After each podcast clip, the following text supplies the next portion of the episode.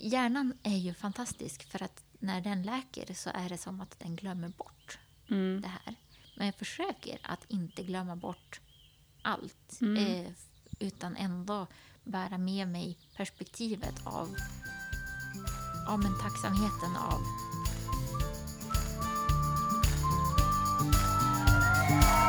Låt dig smittas av glädje i podcasten som förgyller din dag.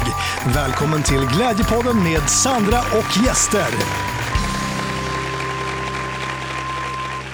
I det här avsnittet får du träffa Ida Hillebjörk, en otroligt driven och kreativ person. De flesta i Umeå vet vem hon är på grund av just hennes driv och kreativitet. Så det förvånade mig lite grann när hon berättade om sina tvivel och eh, den här känslan av att vara annorlunda. Det är så lätt att man glömmer att alla är människor och att vi alla på ett eller annat sätt går omkring och dealar med våra egna inre demoner. Och inte för att jag på något sätt önskar någon att göra det och att gå omkring och tvivla, men jag kan ändå känna att det är lite skönt. Att det är som att jag blir bekräftad i mig själv när jag hör någon annan känna som jag själv känner. Och sen så sa faktiskt Ida det också, att har man inga tvivel så är man ju typ Trump. Så att vi kan väl skicka med det som en, ett litet inledande glädjetips här, att om du själv dealar med inre demoner och känner att du går omkring och tvivlar, så får du omfamna det här tvivlet och tänka att det här är en del av min ödmjukhet. Ida berättade i alla fall väldigt modigt om hur hennes demoner tog fart ordentligt när pandemin precis drog igång i fjol. Och det var också i samma veva som hon hade fått barn, blivit sjuk och satt sitt företag i konkurs. Vi pratar om dödsångest, betydelsen av att känna sig som en del av ett sammanhang. Och Ida berör mig, så jag vet inte om jag ska gråta eller skratta när hon berättar om hur hon har omvandlat sin egen kris till någonting positivt. Välkommen till Glädjepodden, Ida. tack snälla. Så roligt att vara här med dig idag. Ja, det är jättekul att få vara med i en podd. Ja. Har du varit med i någon podd förut? Mm, nej, jag tror faktiskt inte det. Så det är på tiden. Ja, jag var ute och letade, för jag tänkte du har säkert varit med i Umeå-podden, men då hittade jag ingenting. Jag Nej. tänkte att jag skulle lyssna. Nej, vi får ge en uppläxning. Ja, ja, men precis. Exakt. Men du är lite, det känns ändå som att du är lite så här lokalkändis. Alla i Umeå vet vem du är. Ja, det tycker jag är bra att de vet vem jag är. För jag har så mycket att säga och då är det ju viktigt att någon vet att de ska lyssna. Man Ja. har några att tala till. Ja. Ja. Nu ska du få säga ditt också i den här podden. Du ska få berätta lite mer vem du är om du, du som lyssnar inte är från Umeå, eller om du är från Umeå men inte har riktigt hundra koll på Ida. Men jag tänkte att vi ska kolla läget med dig först. Okej. Och i Glädjepodden så brukar jag, istället för att säga hur mår du, så brukar vi ställa en lite roligare fråga, tycker jag i alla fall. Du ska få identifiera dig med någonting utifrån dagsläget, humöret som du är på just nu. Okej. Och eh, eftersom att det är fredag nu när vi spelar in, Ja. så tänkte jag så här, om du skulle vara ett fredagsmys, fredagssnacks eller något sånt just nu. Åh. Alltså då vet ju jag att min sambo har varit och eh, handlat nu på morgonen. Ja. Eh, Så att eh, vi har eh, köpt ingredienser för att göra kardemummabullar. Mhm. Och Som jag ser verkligen fram emot den här. Eh, kanske inte blir i- just ikväll till fredagsmys, men, men det blir i helgen i alla fall. Men då, eh, om du, ska, om du säger då att du är en kardemummabulle just nu, så känns det som, du känns så mysig på något sätt. Ja, men det, det jag tycker jag är ganska mysig. Ja. Jag är ganska gullig. Ja. Och det är ju lite så här mysväder nu också, snöigt och sådär. Ja. Kardemumma, det lät ju. Ja. Mm. Ja.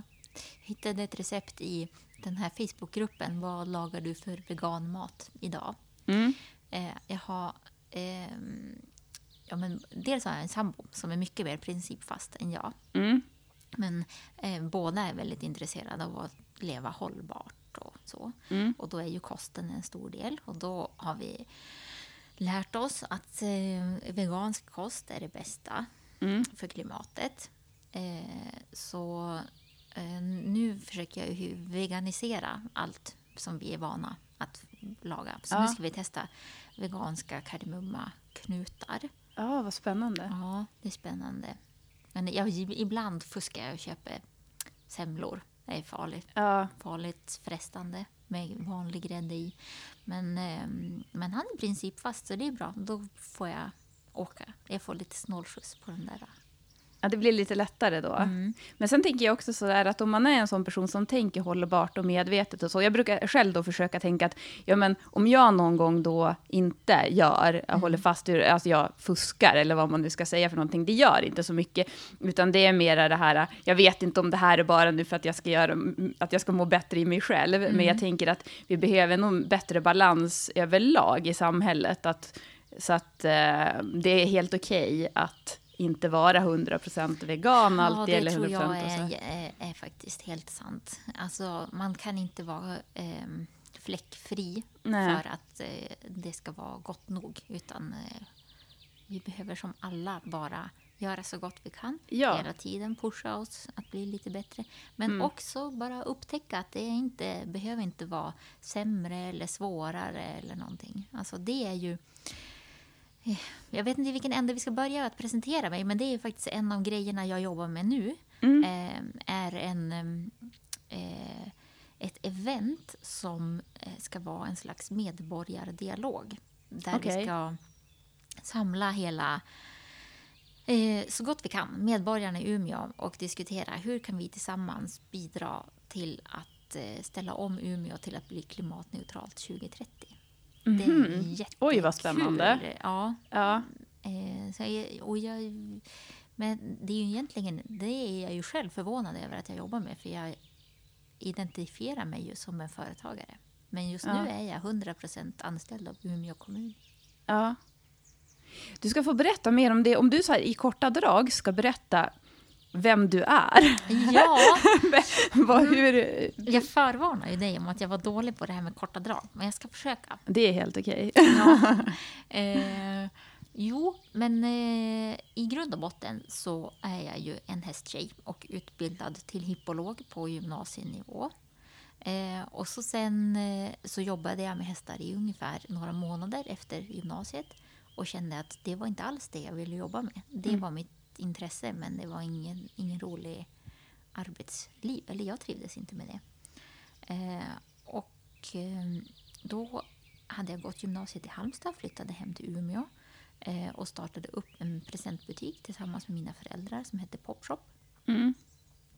Där jag jobbade i ungefär tio år innan vi kände att eh, mamma och pappa var på väg att gå i pension. Jag tyckte att det kändes lite eh, långtråkigt att jobba i butik och stå och sälja grejer. Jag hade kommit in på att börja ta fram egna produkter så jag utbildade mig istället till, eh, inom mönsterkonstruktion och sömnad. Mm. Och så ville jag starta ett klädmärke. Och eh, då var jag i någon period som jag berättade precis för dig innan vi började här att man söker lite olika jobb och tänker att hur svårt kan det vara? Nu kan jag jobba med att sälja tyg eller hyra ut bilar eller vara en vikarierande förskollärare eller vad som helst. Men jag fick inga jobb. Nej. Och då peppade mina föräldrar mig och så sa de okej, men eh, kör, vi hjälper dig ekonomiskt under ett år om du behöver. Alltså inga, jag fick ju inte en lön av dem, men om det knep liksom, så fick jag låna lite pengar av dem. Mm. Eh, och så testar du det här du vill göra med att sy kläder och sälja. Underbart av dina föräldrar. De är bäst. Ja. Alltså, mina föräldrar, de eh, förtjänar eh, guld och gröna skogar. De, hoppas de lyssnar på det här. Då. Ja, det ska jag se till att de gör. eh, ja, men... ehm, eh, så då startade jag ett företag och började sy kläder och försökte sälja dem via en, en egen webbshop. Eh, men det var rätt så svårt att nå ut. Eh, då bodde jag i ett litet eh, Västerbottens gård utanför Robertsfors. Det var Mhm. liksom ganska svårt att få någon attention. Ja. Eh, men på olika vägar så kom jag in på det här med att sätta upp tillfälliga butiker, pop-up-butiker. ja. Och eh, på några veckor, för jag fick ett erbjudande om en lokal som var ledig under en julhandel. Och det var kanske i oktober och då skulle jag öppna i november. och då uppfann jag ett koncept som jag kallade för Eljest. Mm. Där jag samlade likasinnade som jag från Umeå och Västerbotten som gjorde egna mm, design och hantverksgrejer. Och så hade jag den som en pop-up butik mm, några gånger. Eh, över julen 2013, 2014 var första gången. Och sen nästa jul var det också en pop-up butik eh, som sen blev kvar i typ ett år.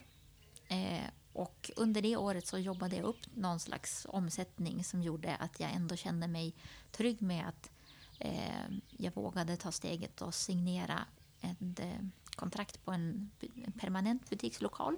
Mm. Så då flyttade Eljest till Vasaplan och så öppnade jag där.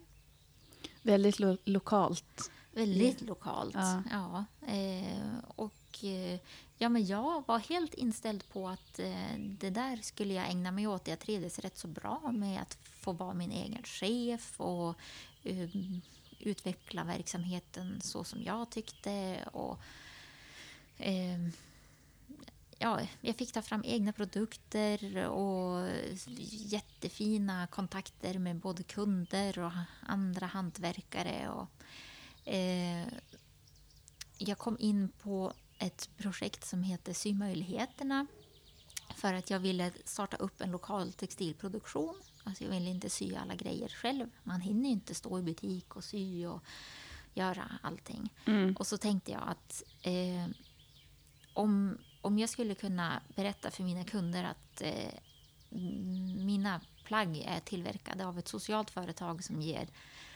människor som står utanför arbetsmarknaden en försörjning eh, så är det ju också ett försäljningsargument Mm. och som ger verksamheten en dimension till. Gjorde det verkligen. lite meningsfullt. För eh, jag vill inte bara stå och sälja grejer. Liksom. Jag ville göra någonting som gjorde någon skillnad. Mm.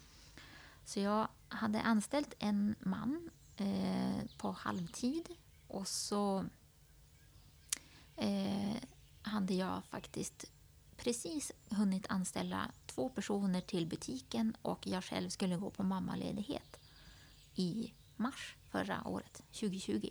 Mm. Och då eh, rycktes allting det där bort Mm. som genom ett trollslag bara.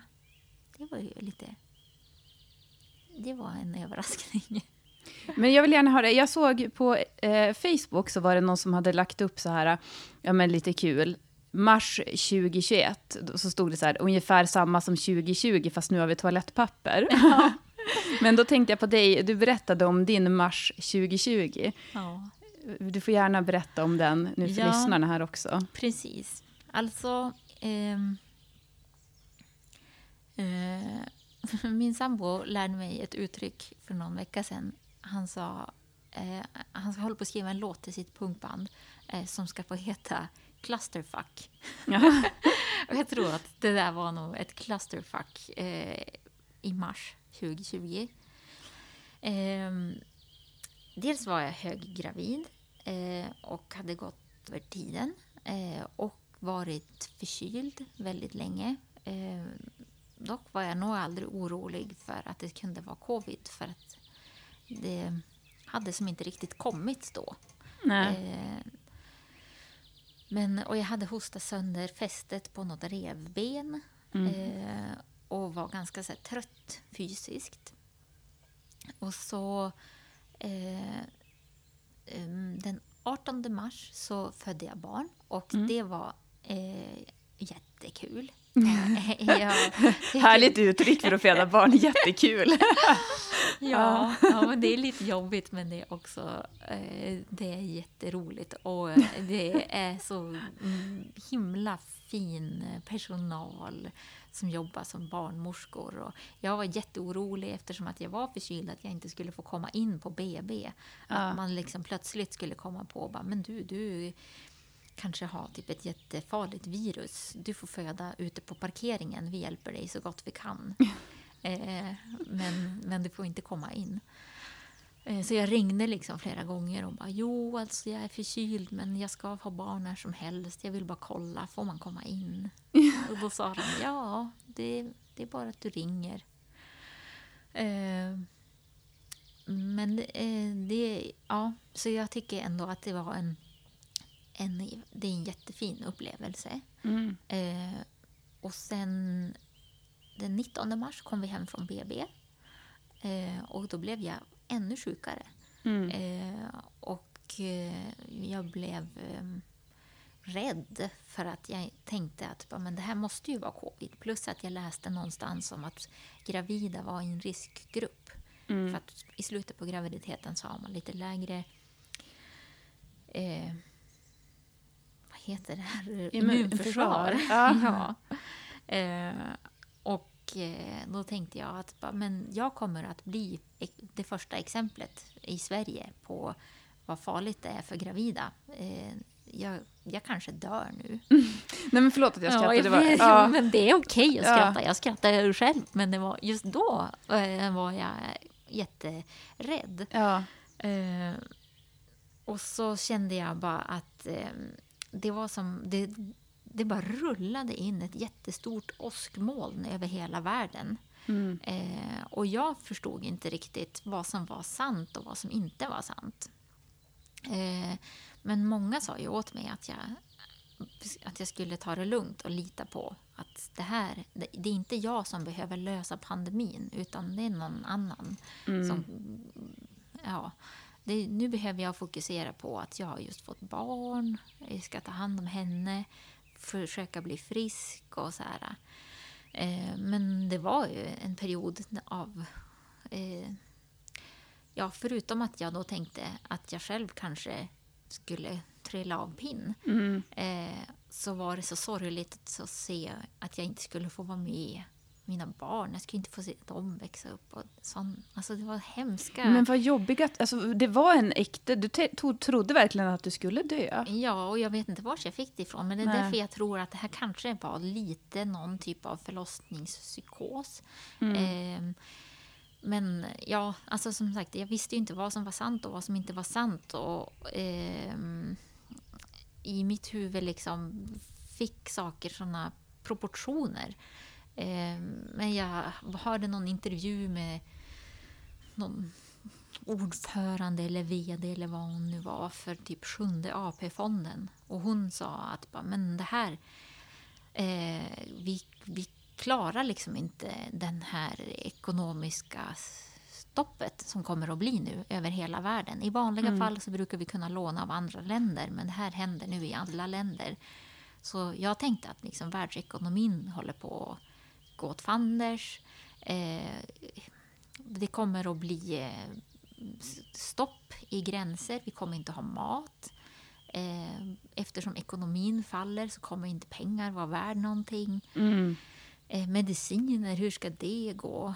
Och hur farligt är det här viruset? Ska typ halva mänskligheten kola nu? Mm. Ja, alltså det var så svart. Och så tänkte jag, vad får det här för konsekvenser? Kommer det att bli krig? Mm. Ja, det var... Det var jag hade så många hemska tankar. Eh, och då, mitt i allt det där, så kände jag att nej men den här verksamheten jag har som säljer hantverk, lokaldesign och hantverk. Det är klart att alla sådana verksamheter kommer ju att bara... Eh, det kommer bli som bara ett dominospel. Drrrt, Så är de borta. Så jag kände att mm, det är ingenting jag orkar ens försöka kriga för. Det kändes som en meningslös verksamhet. Att, att den hade som inget existensberättigande i den här dystopin som Ja. jag befann mig i. Eh, och så tänkte jag att nu kommer det att bli någon typ av lockdown där folk helt enkelt inte får gå ut. Och jag kommer ju inte att ha några pengar in på hur lång tid vet jag inte. Eh, men jag visste att om jag har noll kronor in i två veckor så är mina pengar slut efter att jag betalar hyra och löner och allt sånt. Och då bollade jag det här med eh, Företagsakuten som sattes upp av Umeå kommun. Och de tyckte också att ja, det kanske är ett rimligt beslut att sätta det i konkurs. Mm. Eh, och det som fick mig att fatta beslutet var... Jag gick och pratade i telefon med mina föräldrar och var bara så trött och rädd. Eh, och så sa pappa så här, men skulle det vara skönt om du bara kände att du fick ta beslutet att göra det? Och då Mm. sa jag, ja, det skulle vara skönt. Då Mm. skulle jag slippa oroa mig och, och våndas och känna att jag inte räcker till. Mm. För jag, det behövdes ju liksom krafttag och ställa om. Alltså, den, majoriteten av min in, alltså, omsättning kom från butiksförsäljning i den fysiska butiken och en liten del från e-handeln. Så jag skulle behövt att liksom ställa om det. Mm. Och jag kände att jag pallar inte det. Mm. Eh, Jag räcker inte till. Jag är glad om jag bara får leva. Liksom. Ja. ja. Och att, eh, ja, att det förhoppningsvis inte behöver gå så, så illa som jag gick runt och oroade mig för. Mm.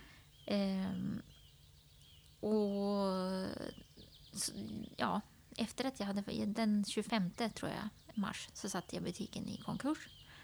Eller bolaget i konkurs. Och så... Eh, ja, det var ju omtumlande och sorgligt för allt jag hade byggt upp, alla mina drömmar och så, det var ju borta. Men, eh, men jag brydde mig inte så himla mycket. Alltså, ehm, jag vet att efter, jag vet inte hur många veckor, men då, en dag så bara slog det mig att jag hade typ blivit frisk. Ja. Eh, och att jag bara, men jag kanske inte kommer att, att dö nu. ja. Och jag bara, wow. Hur kändes det då? Det var, det var, alltså jag tror att hela hjärnan höll på att läka lite grann. Mm. För att plötsligt så var det som att jag inte var säker på att allt skulle raseras i hela Mm. världen. Ja. Men jag var fortfarande jätterädd. Jag så uppdaterade svt.se flera gånger i timmen för att se, okej, är det, har Trump avfyrat någon missil eller har, Mm. har det hänt någonting? Är det en jordbävning någonstans lokalt? Eller Ah. var, vad är det som händer? Vad- Alltså katastrofläge hela tiden. Eh, Men jag fick jätte, jättebra hjälp både av mina föräldrar och min sambo och hans föräldrar och vänner.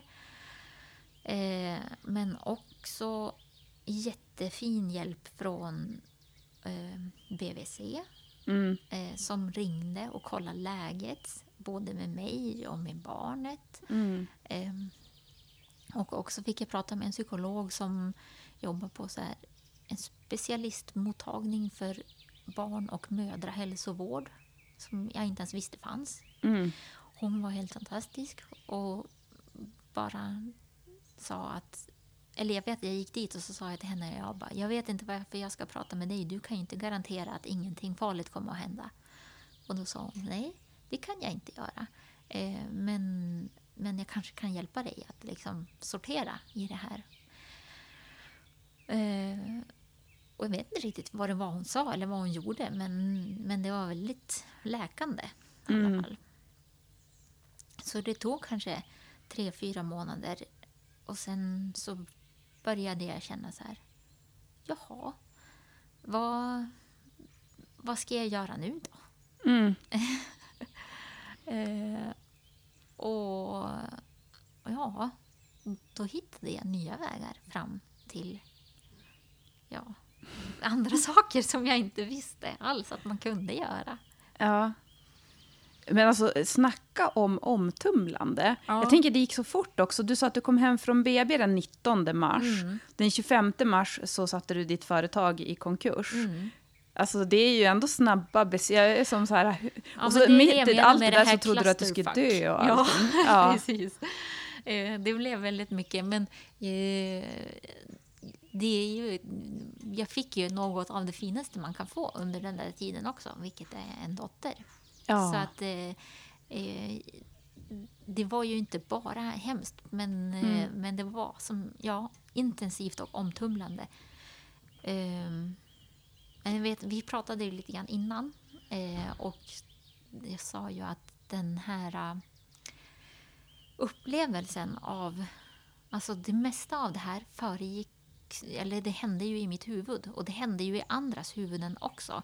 Folk hade ju panik. Det var ju eh, ja, de här tomma hyllorna i butiken. Ja. Och så. Alltså man, det var ju domedagsstämning lite grann. Och jag och tänker det är inte konstigt, du som precis har fått ett barn, att det är lite moderinstinkt ändå. Mm. Om man tänker på ändå hur många andra reagerade mm. och som du säger, just den här paniken. Så det är ju absolut ingenting mm. konstigt i din Nej. upplevelse. Och... Jag tror att det blev förstärkt av typ någon slags... Eh, ja, det är jättemycket hormoner i kroppen när man precis har fött barn mm. och så. Eh, men ehm, det blev ändå ett... Eh, alltså, nu när jag jobbar mycket med människor som kommer från krigshärjade länder eh, så har det ju gett mig ett perspektiv. Alltså, mm. Det mesta av det här som sagt hände ju i mitt huvud. Det var inte krig. Det var inte eh, kollaps av system och mm. så. Alltså, det hade väl kanske kunnat hända. Jag vet inte hur nära det var eller någonting. Och jag vill helst inte veta. Eller? Nej, lika bra. ja. eh, men, eh, men tänk de som har genomgått såna här saker när det inte var i huvudet. Ja. Och, och någonstans så är det ju... Hjärnan är ju fantastisk för att när den läker så är det som att den glömmer bort mm. det här. Men jag försöker att inte glömma bort allt. Mm. Eh, utan ändå bära med mig perspektivet av ja, men tacksamheten av både alla de här jag träffade inom vården. Tacksamheten att jag fick bli sjukskriven från min mammaledighet. Det visste mm. jag inte ens att man kunde bli. Men i fyra veckor så var jag sjukskriven och det gjorde att min sambo kunde vara pappaledig. Ja, okej. Okay. Så att vi kunde vara tillsammans och ta hand om barnen. För jag var ju jätterädd. Jag kunde liksom inte... Man tycker ju att... Eller jag ser mig själv som en resursstark person ja. allt som oftast. Mm. Jag fixar saker. Mm. Men eh, jag klarade inte av att vara själv. Eh, för jag var så rädd och jag var så eh, omtumlad och ja, men deprimerad kanske. Jag vet inte vad alls vad jag, vad jag var. Men var inte det fint då? Att få på något sätt kollapsa på det sättet och känna att du blev... Eller så här, jag ser det som att du faller och någon tar emot dig. Jo. Alltså, jag får känna det stödet runt omkring dig. Men det är dig, precis att... det. Och det är det jag menar med... Det är ju, var ju typ hela samhället, kände jag, som bara... Eh, bara här, ramla här. Eh, du, det finns personer du kan prata med. Det finns ekonomisk backup. Eh, och, och den grejen har ju verkligen...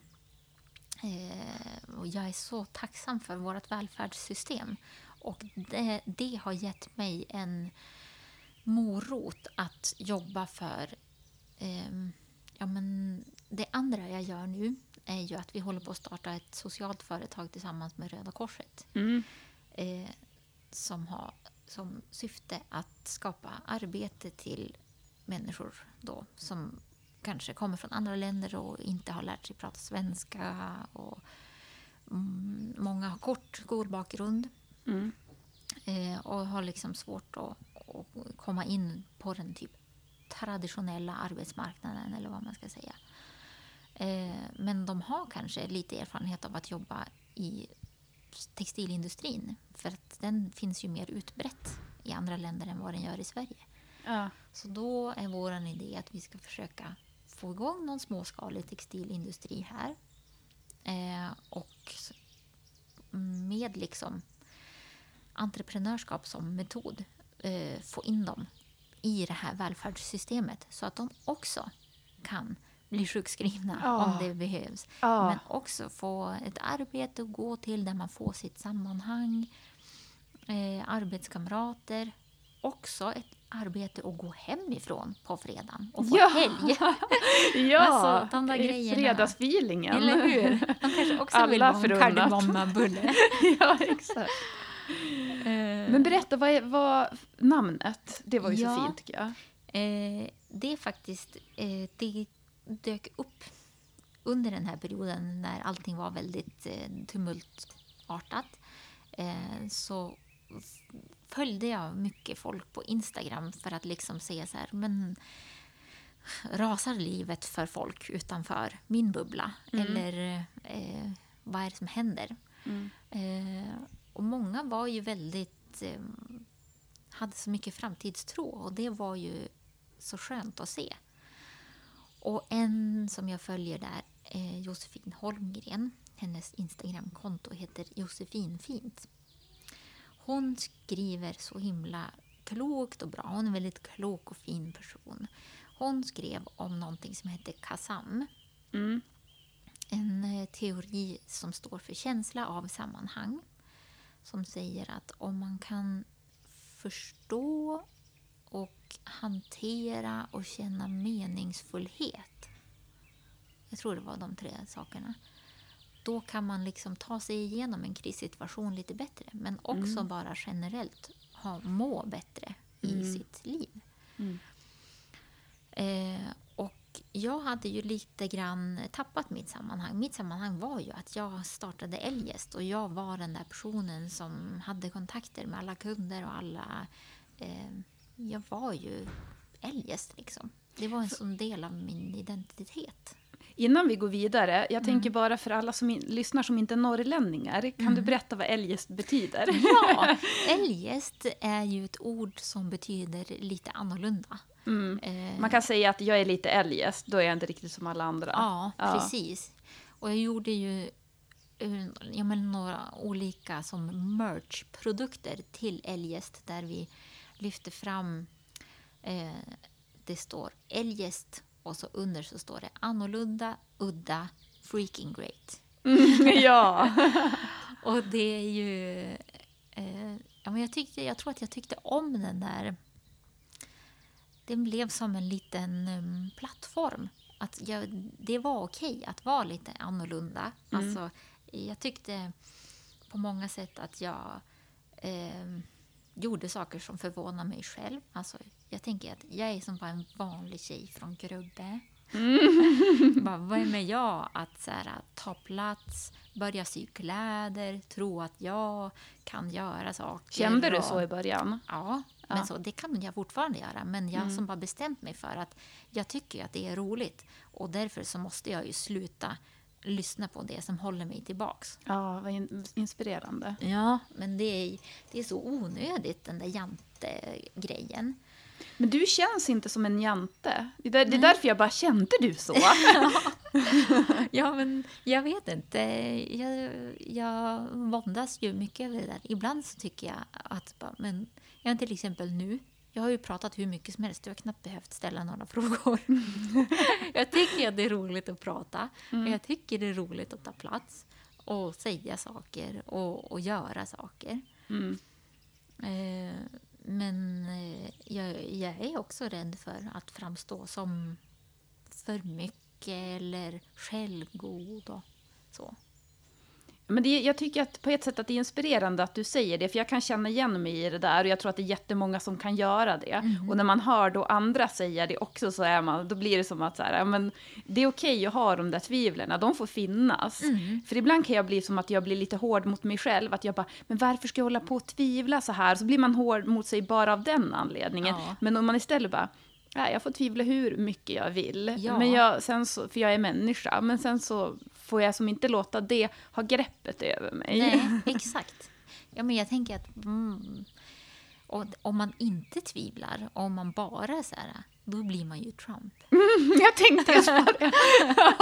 Det vill man ju inte vara. Nej, men ödmjukheten, för jag tänker också det du har berättat nu. Vi ska komma tillbaka där du var, för jag kom in och äh, avbröt där med, jag ville bara att vi skulle berätta vad eljest. Du höll på att berätta då om eh, Nej, men, eh, ja, det jag skulle säga var att jag tyckte att det var så skönt att ha den där plattformen som Ja, just hette Eljest. Mm. Som Sammanhanget, mig, ja. ja. ja. sammanhanget, men också den här identiteten att bara... Ja, eh, jag, är, jag kände mig lite annorlunda. Mm. Eh, jag tänkte, alltså ett tag i mitt liv så har jag haft fixidéer att jag inte typ kan gå och handla i en vanlig matbutik därför att jag inte är som folk är. Alltså jag hör inte hemma där. Jag får inte vara där. Typ. Alltså det är jätte, här är så konstiga flixidéer. Men är det som att du har tänkt att andra tänker att du får inte vara där eller har du själv tänkt att nej, men jag passar jag, inte in? Jag, jag tänkte nog att jag inte passar in. Alltså jag tänkte så här att vuxna människor, de har ett jobb, de har en inkomst, de Mm. kanske har familj, de har eh, ko- koll på sitt liv, struktur. Mm. Eh, och jag hade ingen inkomst i flera år. Liksom, ja, nästan ingen inkomst. Eh, och så bodde jag liksom lite hos mina föräldrar, lite grann i min ateljé hade jag en bäddsoffa. Eh, jag hade inte min familj, jag hade inte träffat min sambo. Eh, och jag hade liksom ingen struktur, bara ja nu kommer jag hem från jobbet, nu lagar jag mat. Utan eh, det, allting var liksom lite uppsläppt och nerryckt, höll jag på att säga. Uppryckt och nersläppt. Eh, och jag valde ju det. Mm. Eh, för att eh, jag tänkte så här, ja men det är ju ironiskt för jag tänkte till exempel folk som jobbar på kommunen. Jag skulle aldrig kunna eh, ha ett sånt jobb för eh, jag vet inte hur man är vuxen. Jag, jag eh, liksom kan inte bete mig som man förväntas göra. Jag känner mig alltid så eh, konstlad då. Jag måste få säga för mycket. Eller eh, vara för ärlig. Eh, om någon frågar så här, hur mår du? Och så mår jag inte bra, då måste jag säga det. Ja, Eh, för annars ljuger jag. ja. Och då tänkte jag att så gör inte vanliga människor. De, de vet hur man beter sig. Och jag ville liksom bygga upp min lilla bubbla. Och det var det jag tyckte att jag kom undan med, med det här att jag som kallade mig ju för kapten på Eljest-skutan. Eh, och, och liksom drev med hela grejen. Jag skulle ju kunna, på, på mitt visitkort skulle jag kunna skrivit VD. Eller designer eller någonting. Eh, men jag skrev att jag var licensierad mamma. Eh, och eh, så kallade jag mig själv, tror jag, påhittare. Men jag hittade lite så olika grejer. För jag ville bara inte... Mm, jag vet inte vad det är. Någon slags frihetskänsla är det väl kanske. Eh, och då tänkte jag, ja, ja, men eh, nu har jag ju den här plattformen och jag känner mig som ganska trygg i den identiteten. Och Jag fick vara mig själv och jag blev uppskattad för att jag var mig själv. Och Det var jätteskönt. Och sen var den borta. Mm. Och jag hade då det här Kazam. Jag, hittade, jag visste inte var jag hörde hemma. Jag hade inget sammanhang. Nej. Eh, och så läste jag det Josefin hade skrivit och jag bara men det kanske inte är så farligt att butiken är borta. Eh, det jag har gjort har jag fortfarande gjort. Eh, de kontakter och människor jag har lärt känna är jag fortfarande bekant med. Mm. Eh, så jag kände att jag ändå liksom hittade mitt sammanhang även om den inte var gestaltad i någonting. Mm. Eh, och det tänkte jag också att det, det vill jag skapa. Eh, en sån plattform för de här som vi pratar om som är födda i andra länder Mm. och har kommit hit. Och jag, jag vet inte, det kanske är mycket fördomar. Man, jag vet inte exakt hur de har det eh, allihopa och alla har det ju säkert olika. Men ehm, det kan ju inte vara jättekul att inte känna att man får in en fot någonstans och hör hemma någonstans. Och man kommer till ett helt nytt land, ett konstigt klimat, vi pratar konstigt och ehm, ja, då tänker jag att den här Kazam Textilstudio, som företaget heter, Mm. det ska vara ett sånt ställe där man bara får komma, eh, bli uppskattad, sedd, få ta plats. Alltså jag börjar gråta snart. Ja. Jag, jag känner hur det här kommer, jag blir så berörd för att då har du själv känt att du behövde Ja. ett sammanhang. Ja. Och sen har du skapat ett sammanhang för de här personerna. Alltså, Och mig själv. och dig själv, det är så fint. Och det roliga är att Josefin som skrev den här texten, hon jobbar ju på Röda Korset. Så Mm. att eh, det, cirkeln liksom sluts. Ja, och så nu blir jag så här, jag känner hur det så börjar komma tårar i ögonen och så samtidigt så börjar jag skratta bara för att jag blir så berörd. Jag vet inte riktigt, jag måste samla mig här. Nej, men jag ser också så här, allt du har berättat nu, jag ser som hela ditt liv. Du vet, jag kan tänka ibland så här att man någonstans, om man bara släpper taget och följer flödet så, kom, så sker allting som det ska ske.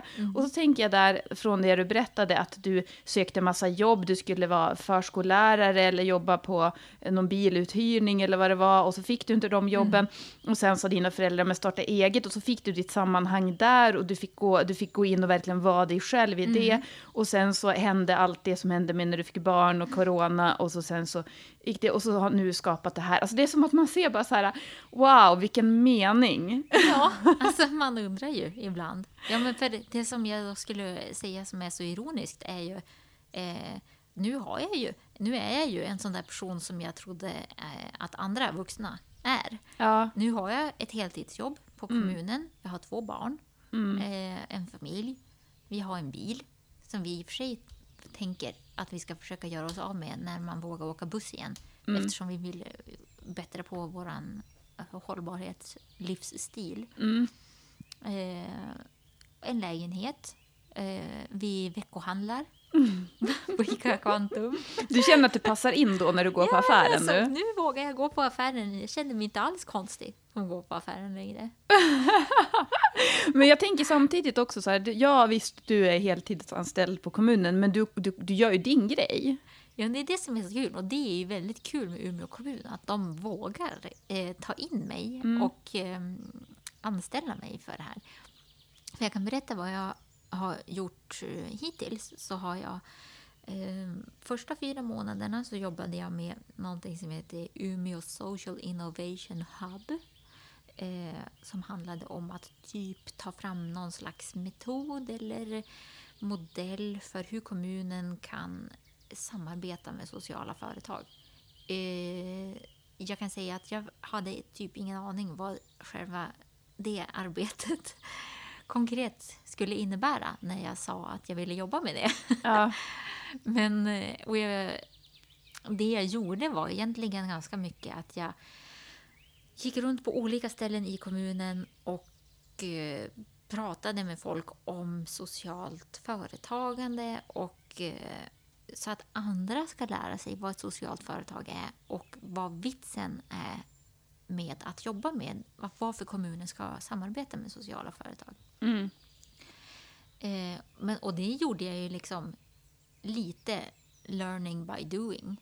Eh, men jag hoppas att jag åstadkom någonting i alla fall.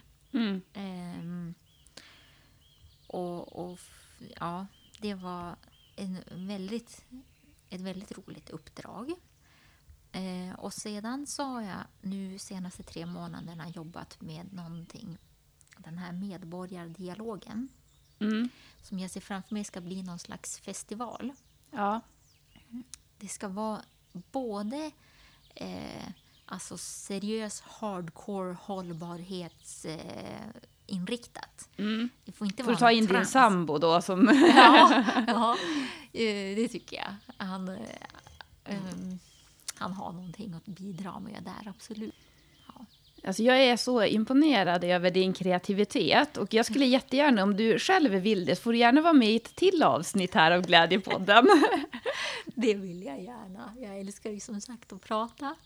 Ja, men underbart. Men jag tänkte du ska också få en fråga nu från en tidigare gäst, Per Lindström, som har skickat en fråga vidare här nu. Och det är, vi ska se här nu. Hur ska man peppa andra att de ska våga må bra? Enligt dig. Men jag tror ju att det handlar bara så himla mycket om mm, hur vi bemöter varandra. Alltså, ehm, det var ju en av mina grejer som jag gjorde när jag jobbade i butik.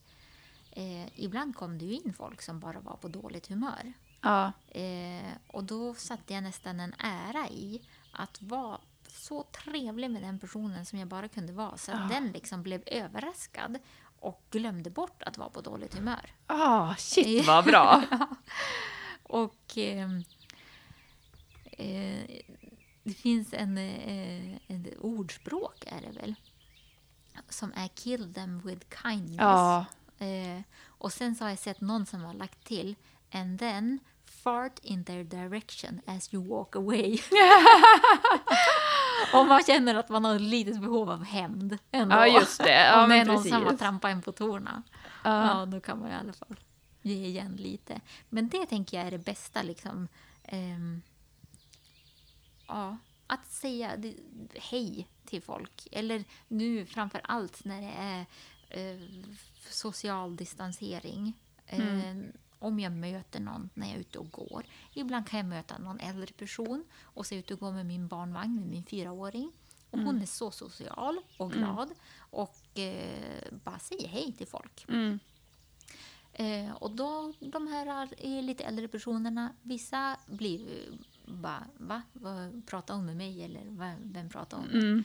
Eh, men, och då går de därifrån. Men vissa skiner upp och börjar prata. Men hej, har du en glass? Vad kul! Ja. Vad är den god? Ja. Och så liksom sådär. Och det tänker jag att vi, även vi som är vuxna bara... Man kan väl bara säga hej. Om det är någon som tycker att man då är för mycket så får man väl bjussa på det, tänker jag. Ja, verkligen. Och det jag tänker på det du sa där innan, om någon är otrevlig. Om man har möjligheten att då verkligen som du, att man har möjligheten att vara jättetrevlig tillbaka. Jag tror att då kanske de också själva kommer, för de förväntar sig inte, jag tänker vissa personer, de är lite på krigsstigen Ja. och då är det som att de vill nästan ha det tillbaka för att de ska ku- kunna få kriga ännu mer. Om de då får alltså, genuin vänlighet tillbaka, då är det som att de nästan kommer på sig själv att Ja. Precis. Men, och jag måste säga, för nu låter jag framställer mig själv i så god dager. Nog finns det tillfällen när jag också blir arg eller inte orkar. Ja. Eh, Så att eh, jag, vill, jag vill verkligen inte framställa mig själv som perfekt. Nej, men jag tänker, jag, det är det jag menar också med att när man har möjligheten att vara den personen, att det är egentligen, om man nu ska snacka hämnd, Ja. så tycker jag att det är den bästa hämnden, att Ja. vara jättetrevlig. Ja. Jag hörde på Benjamin Ingrosso berättade det, att han får ofta så här folk som tror att han ska vara lite så här dryg och så, medan han, och då blir han som att han måste överkompensera och vara jättetrevlig. Ah. Och så berättade han om att han hade varit på flyget någon gång och så hade det kommit någon kvinna som hade liksom blivit så här, ja men börjat knuffas lite med honom och var så här, hon förväntade sig som att han skulle vara otrevlig och då hade han istället varit så här övertrevlig tillbaka. Ja. Och då hade hon blivit också helt så där chockad. Så att, ja, jag tycker Ja, det var... men jag tänker att det finns ju någonting klokt i att eh, man ska behandla andra som man själv vill bli behandlad. Ja, precis. Men jag, du ska, vi brukar alltid ha några så avslutningsfrågor i den här podden också, men jag tänker att vi sparar dem till nästa avsnitt, för nu har ju du redan tackat ja, jag, och var med i ett till avsnitt. Så vi sparar dem. Men sen en glädjeutmaning. Nu har du nästan gett en utmaning där i och med Pers fråga, det här Mm. med men om du får ge så spontant en glädjeutmaning som lyssnarna ska köra under en veckas tid, Mm. skulle det vara då att säga hej, eller har du något annat som du vill? Nej, men alltså jag tänker att det, handlar ju väldigt mycket om att också ta ansvar för sitt eget mående. För att orka vara glad och ge det till någon annan. Så eh, jag brukar ju strössla mig själv med... Alltså, jag är ju expert på att dagdrömma. Eh, och liksom tänka på saker som gör mig glad. Eh, ibland kan det vara eh, att ganska ofta faktiskt, så drömmer jag om liksom ett litet fritidshus. Eh, och hur jag ska göra i ordning det någon gång. Eller... Eh, ja, men... Jag älskar ju Pinterest. S- Har väldigt många olika moodboards för olika saker. Ett bara som heter Cute Overload. Eh, med gulliga djur. Åh! Eh, Uttrar som så här, Ah. flyter runt på... En utterunge som flyter på sin mammas mage. Väldigt gulligt. Åh oh, gud, det lät fantastiskt. Jag har så snöat in på pander. Jag sitter och kollar så pandaklipp på YouTube och jag blir som så här, nej men det är nästan jobbigt för jag känner så här att jag kan som inte leva utan en panda. Det blir så. ja, men ja. jag tänker att den där, um, ja men att få känna sig glad och, och tacksam och um, ja, om, om man går runt med det, då, då vill man ju ge det till mm. andra också. Mm. Så det är kanske min utmaning, att hitta de där sakerna som man själv bara spontant blir glad av. För då blir man ju mindre bitter också om man försöker ge det till sig själv. för ibland så kanske man går omkring och förväntar sig att andra ska ge en. Men det är ju inte alltid att folk vet vad man behöver heller. Utan Nej. man vet ju som det är bäst själv. Ja. Sen är det jättefint att få från andra också. Och få, man tänker nu, om vi ska sammanfatta det här avsnittet med dig också, hur fint det är att faktiskt få ramla och någon tar emot. Mm. Så att det är en balansgång där. Vi klarar oss ju inte helt själva. Men... Så är det verkligen. Nej, men, och jag tänker den här psykologen som jag träffade, mm. hon sa en fin sak till mig när jag var där sista gången. Eh, eller ja, det var som att vi bestämde att men nu mår jag bra, nu behöver jag inte komma mm. tillbaks. Och då sa hon att eh, hon tyckte det var fint för att hon, eller hon försökte få mig att se att jag var så resursstark som hade bara sagt att jag vill inte må så här. Mm. Eh, hur ska jag göra för att ta mig ur det? Mm. Och att jag faktiskt tog mig ur det. Jag liksom hittade det som var glä glädjeämnen.